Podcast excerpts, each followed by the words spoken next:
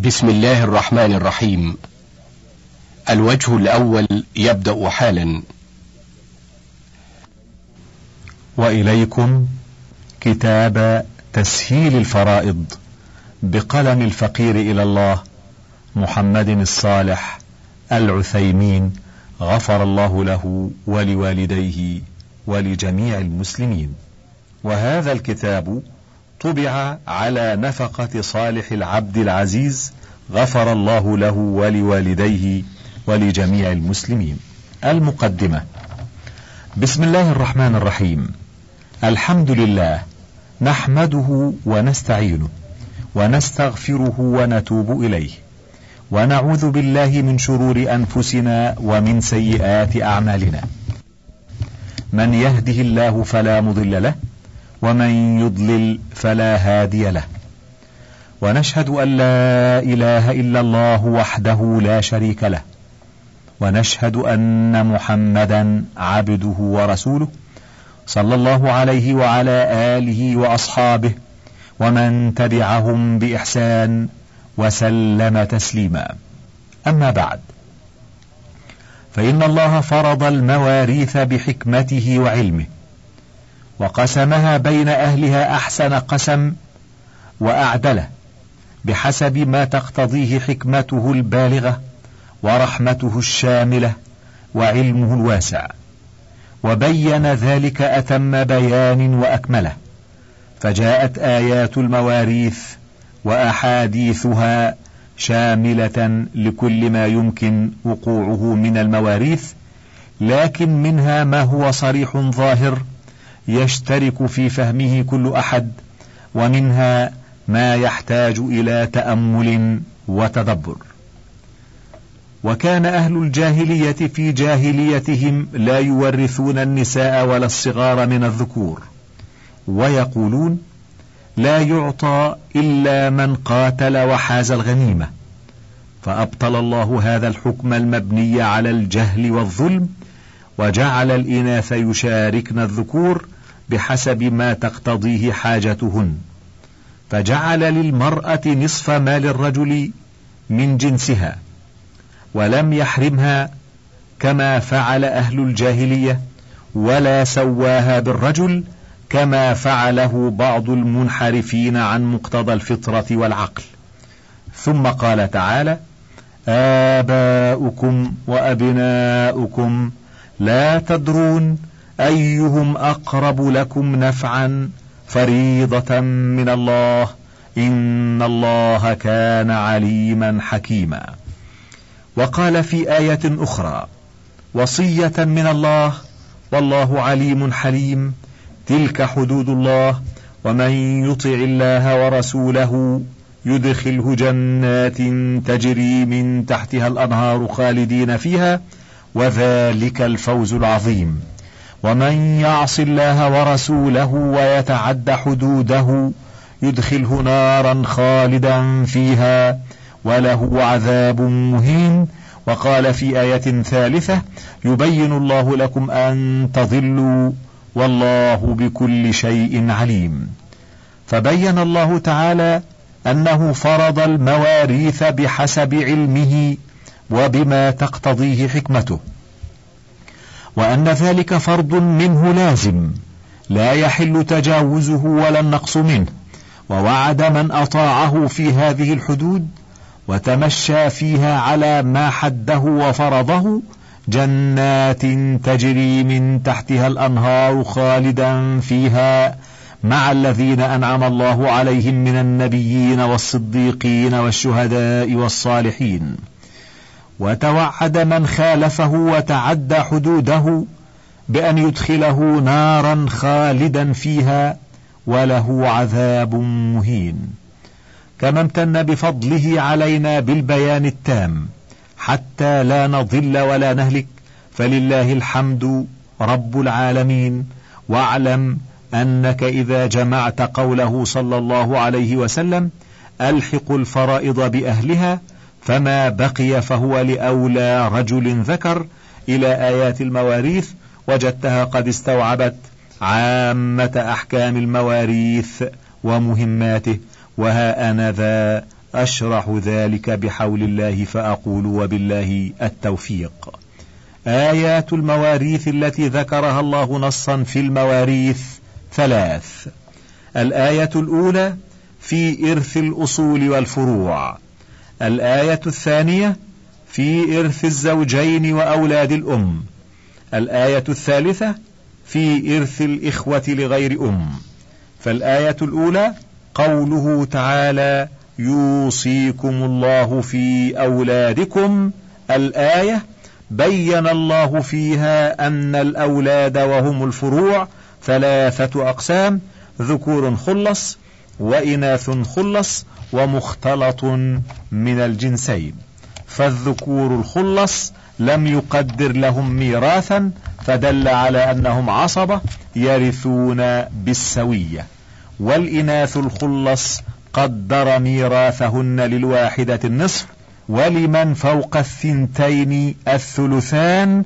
وقد دل الحديث ومفهوم قوله وإن كانت واحدة فلها النصف على أن للثنتين الثلثين والمختلط من الجنسين لم يقدر لهم ميراثا فدل على أنهم عصبة ولكن للذكر مثل حظ الأنثيين.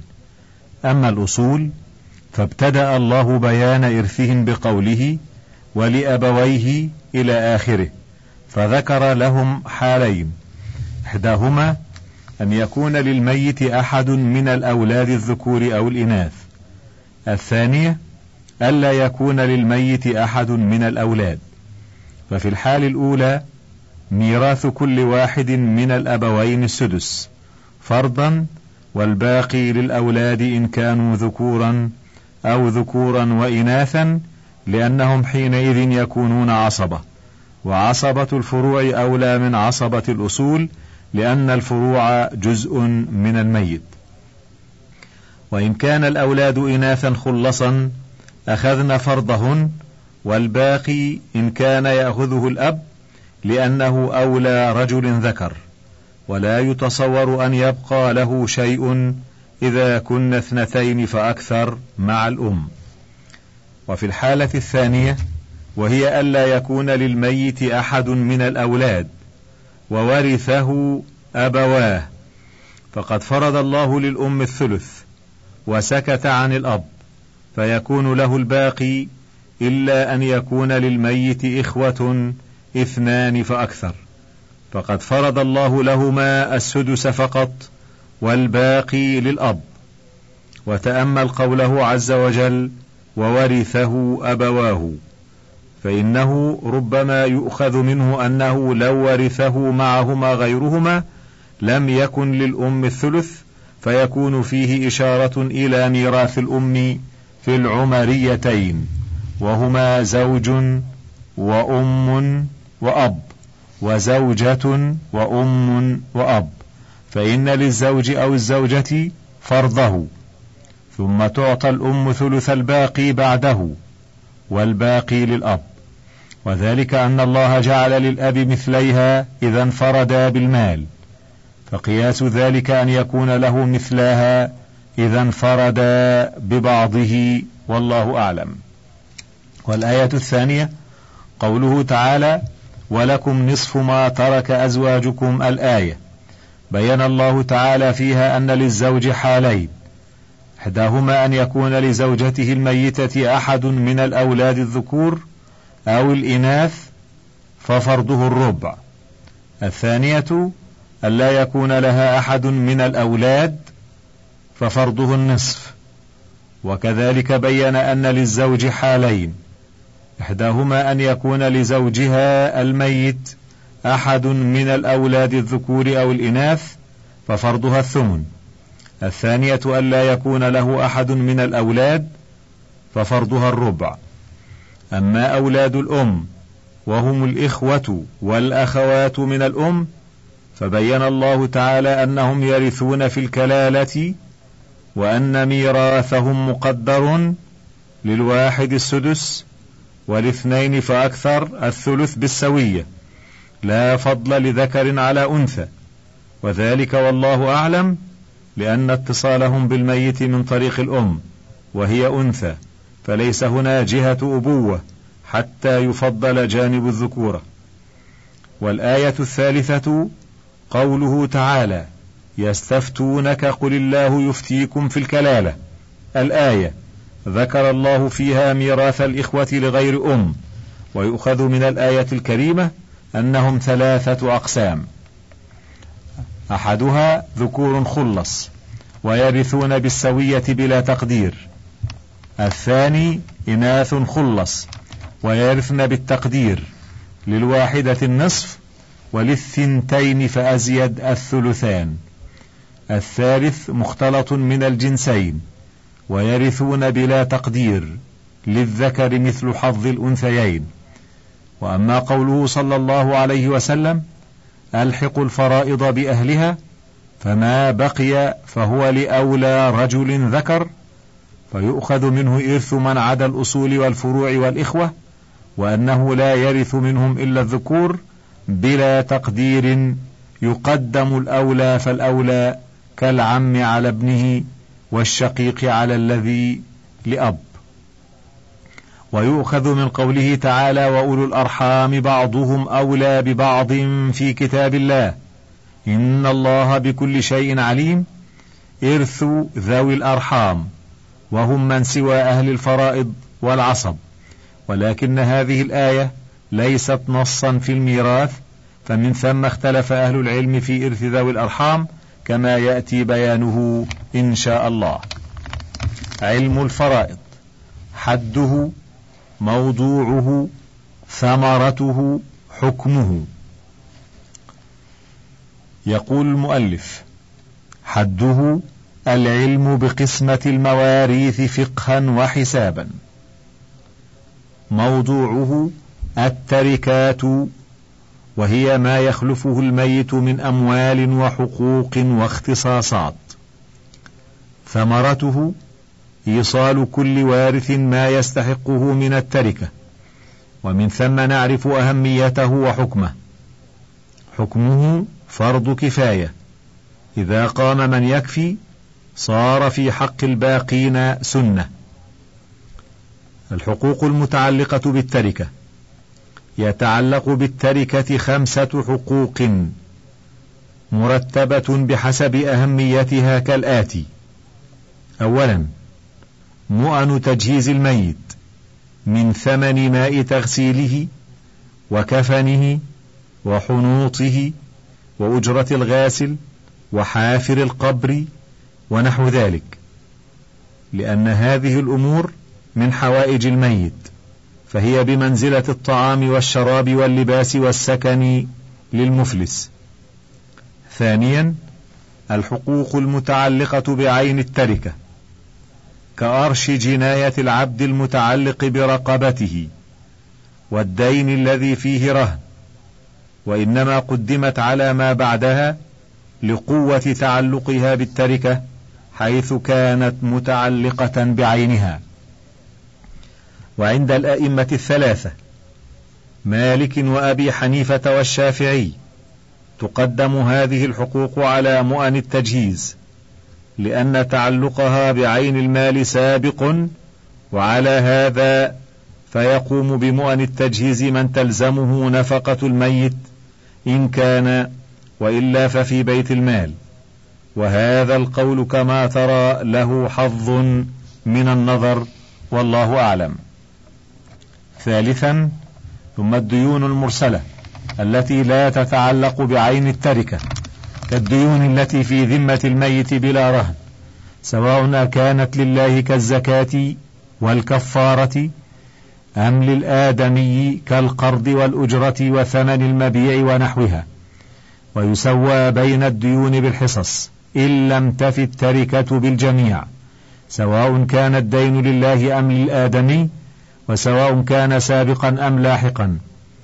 وإنما قدم الدين على الوصية لما روى أحمد والترمذي وابن ماجة عن أمير المؤمنين علي بن أبي طالب رضي الله عنه قال إنكم تقرؤون من بعد وصية يوصي بها أو دين.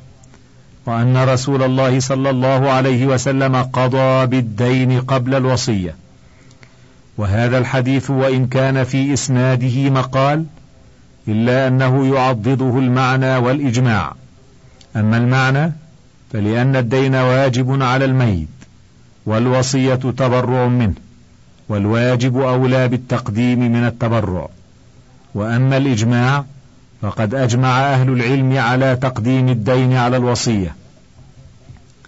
فإن قيل فما الحكمة في تقديم الوصية على الدين في الآية الكريمة؟ فالجواب أن الحكمة والله أعلم هو أن الدين واجب وأن الوصية تبرع والتبرع ربما يتساهل به من الورثة ويستثقلون القيام به. فيتهاونون بأدائه بخلاف الواجب وأيضا فالدين له من يطالب به. فإذا قدر أن الورثة تهاونوا به فصاحبه لن يترك المطالبة به. فجبرت الوصية بتقديم ذكرها والله أعلم. رابعا ثم الوصية بالثلث فأقل لغير وارث. فأما الوصية للوارث فحرام غير صحيحة قليلة كانت أو كثيرة لأن الله قسم الفرائض ثم قال تلك حدود الله ومن يطع الله ورسوله يدخله جنات تجري من تحتها الأنهار خالدين فيها وذلك الفوز العظيم. ومن يعص الله ورسوله ويتعد حدوده يدخله نارا خالدا فيها وله عذاب مهين. والوصية للوارث من تعدي حدود الله لأنها تقتضي زيادة بعض الورثة عما حد الله له وأعطاه إياه. وعن أبي أمامة رضي الله عنه قال سمعت رسول الله صلى الله عليه وسلم يقول إن الله قد أعطى كل ذي حق حقه فلا وصية لوارث. رواه الخمسة إلا النسائي وقد أجمع العلماء على العمل بمقتضى هذا الحديث. لكن إن أجاز الورثة المرشدون الوصية لأحد من الورثة نفذت الوصية لأن الحق لهم. فإذا رضوا بإسقاطه سقط. ولحديث ابن عباس رضي الله عنهما قال قال رسول الله صلى الله عليه وسلم لا تجوز وصية لوارث إلا أن يشاء الورثة. رواه الدار قطني. وأما الوصية لغير الوارث فإنها تجوز وتصح بالثلث فأقل ولا تصح بما زاد عليه. لأن الثلث كثير فيدخل ما زاد عليه بالمضاره ولحديث ابن عباس رضي الله عنهما أنه قال لو أن الناس غضوا من الثلث إلى الربع فإن النبي صلى الله عليه وسلم قال الثلث والثلث كثير متفق عليه. فإن أجاز الورثة المرشدون الوصية بما زاد على الثلث صح ذلك لأن الحق لهم فإذا رضوا بإسقاطه سقطا. وقد اختلف العلماء رحمهم الله متى تعتبر إجازة الورثة الوصية للوارث أو بما زاد على الثلث. فالمشهور من مذهب الإمام أحمد عند أصحابه أنها لا تعتبر إلا بعد الموت فلو أجازوا قبله لم تصح الإجازة ولهم الرجوع. والراجح أن الإجازة إن كانت في مرض موت الموروث صح وليس لهم أن يرجعوا وإن كانت في غير مرض موته لم تصح ولهم الرجوع وهذا مذهب مالك واختيار شيخ الإسلام ابن تيمية وتلميذه ابن القيم ذكره في بدائع الفوائد في الصفحة الرابعة من الجزء الأول. خامسا ثم الإرث. لأن الله سبحانه قال بعد قسمة المواريث بعد وصية يوصي بها أو دين غير مضار ويبدأ بذوي الفروض وما بقي فللعصبة لقول النبي صلى الله عليه وسلم الحقوا الفرائض بأهلها فما بقي فهو لأولى رجل ذكر متفق عليه فإن لم يكن عصبة رد على ذوي الفروض بقدر فروضهم إلا الزوجين فإن لم يكن عصبة ولا ذو فرض يرد عليهم فلذوي الأرحام لقوله تعالى وأولو الأرحام بعضهم أولى ببعض في كتاب الله. فإن لم يكن ورثة فلبيت المال. تنبيه إذا قيل ما معنى تقديم الوصية على الإرث مع أنها لا ينفذ منها إذا لم تجز الورثة إلا الثلث والباقي للورثة. فالجواب أن معناه أن الموصى به يخرج من التركة قبل المواريث كاملا ثم يقسم الباقي على الورثة كتركة مستقلة فيدخل النقص عليهم دون الوصية ويتبين ذلك بالمثال فإذا هلكت امرأة عن زوجها وأختها الشقيقة وقد أوصت بالثلث فالمسألة من ثلاثة للوصية الثلث واحد ويبقى اثنان وهي التركة الموروثة للزوج نصفها وهو واحد وللأخت نصفها وهو واحد. فأنت تعرف في هذا المثال أن للوصية الثلث وأن للزوج النصف وللأخت النصف ولكن لم يحصل لكل من الزوج والأخت حقيقة إلا الثلث.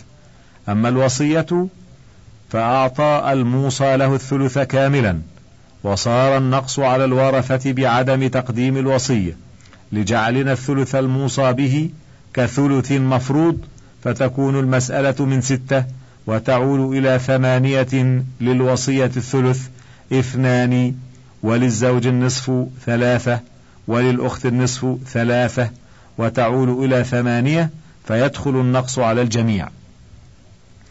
وخلاصة ما سبق أن الحقوق المتعلقة بالتركة خمسة مرتبة كالآتي: الأول مؤن التجهيز، الثاني الحقوق المتعلقة بعين التركة، ومذهب الأئمة الثلاثة أن هذا مقدم على مؤن التجهيز، الثالث الديون المرسلة، الرابع الوصية لغير وارث بالثلث فأقل، الخامس الإرث. موضوع جديد. الإرث. أركانه شروطه أسبابه موانعه أقسامه.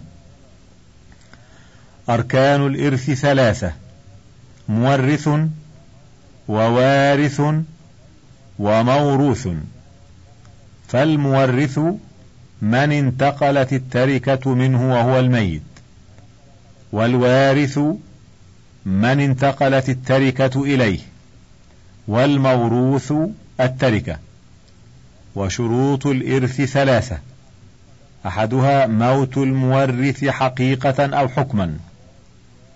الثاني حياة الوارث بعده ولو لحظة حقيقة أو حكما. الثالث العلم بالسبب المقتضي للإرث. أما موت المورث فلقوله تعالى إن امرؤ هلك ليس له ولد وله أخت فلها نصف ما ترك. والهلاك الموت.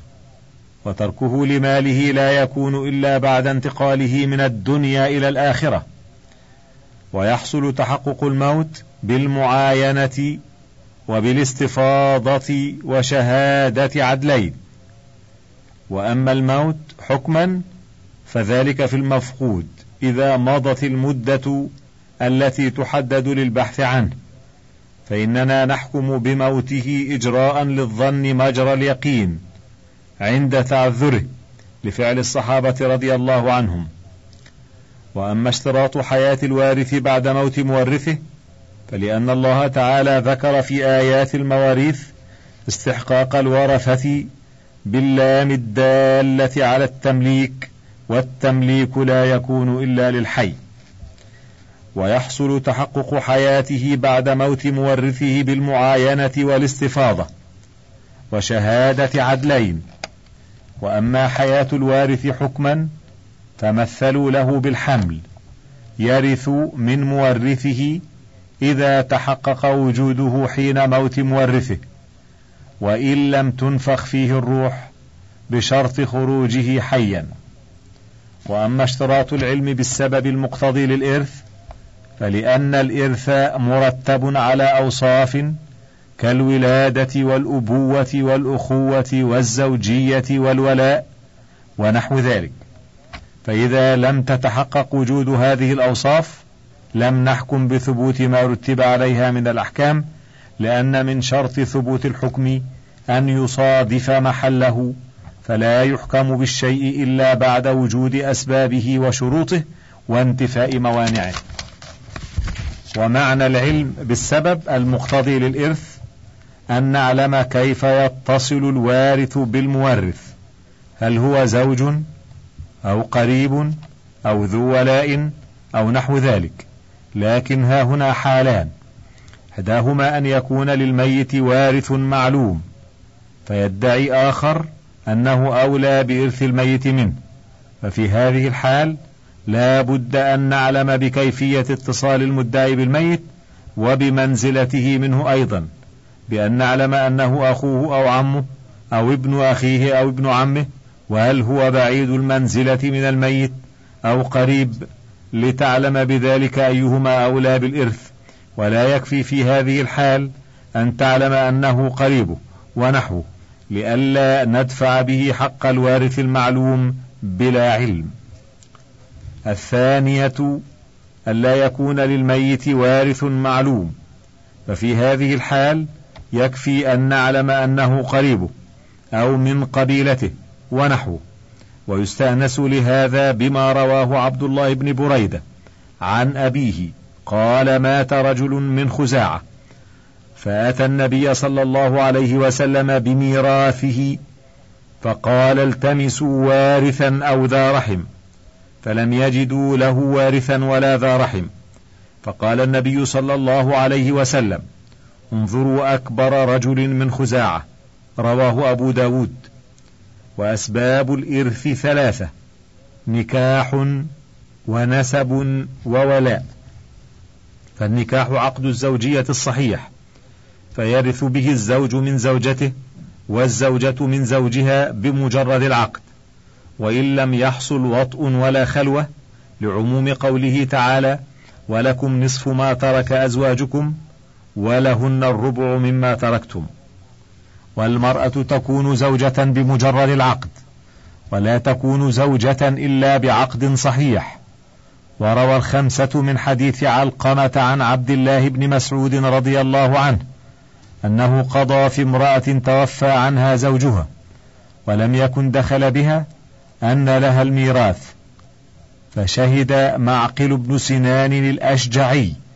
أن النبي صلى الله عليه وسلم قضى في بروع بنت واشق بمثل ما قضى به وصححه الترمذي.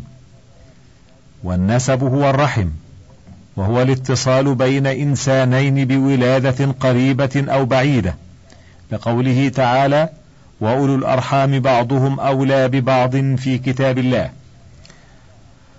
والولاء ولاء العتاقة وهي العصوبة التي تثبت للمعتق وعصبته المتعصبين بأنفسهم، سواء كان العتق تبرعا أو عن واجب من نذر أو زكاة أو كفارة، لعموم قول النبي صلى الله عليه وسلم: إنما الولاء لمن أعتق، متفق عليه. انتهى الوجه الأول